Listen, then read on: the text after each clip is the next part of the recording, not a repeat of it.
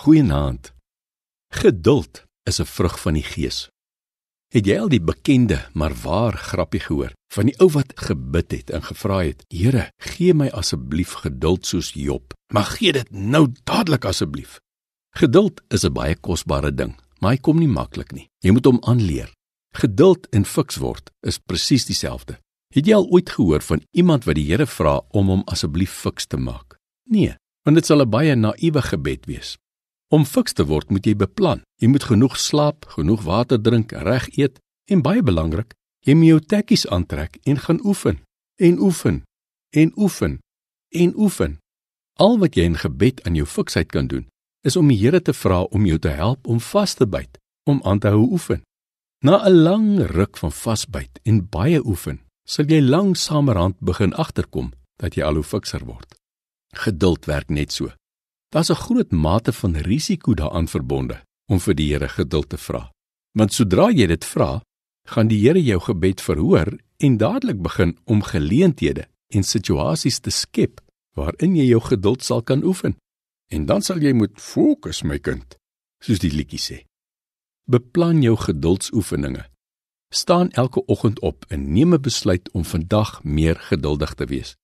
Vra die Here om jou bedag te maak op die geleenthede om jou geduldsvrug van die Gees te oefen. Vat 'n CD met 'n goeie preek saam om in die kar te luister as jy in die verkeer vassit. Begin afsonderlik bid vir elk van die 12 mense voor jou in die ry by die poskantoor. Gebruik jou wagtyd om 'n psalm uit die Bybel uit uit jou kop uit te leer. En as jy lank moet wag, kies 'n lang psalm. As die omstandighede dit vereis dat jy maande moet wag vir iets, kyk of jy die Bybel deurgelees kry in die tyd. Leer 'n nuwe vaardigheid aan. Koop 'n boek en begin om jou huishulp se taal te leer. 'n Goeie voorbeeld van goddelike geduld is Abraham se storie. Toe Abraham al baie oud en kinderloos was, het die Here hom 'n seun beloof. Ek kan myself sommer indink hoe die hele radwerk van voorbereiding vir 9 maande aan die gang was. Maar nou kom die seentjie nie. 'n Jaar later is hy nog nie daar nie. Na 10 jaar brom Abraham seker al in sy baard oor God se lewe belofte. Na 25 jaar klou Abraham verbeete en geduldig aan daai een sinnetjie wat God gesê het. En toe eers na 40 jaar, toe Abraham genoeg geduld geleer het, daag klein Isaakie op. Jesaja 40 beloof dat as ek en jy net kies om geduldig op die Here te wag, hy vir ons nuwe krag sal gee. Die beloning vir ons geduld gaan wees dat ons sal kan opstyg met geestelike arendsvlerke.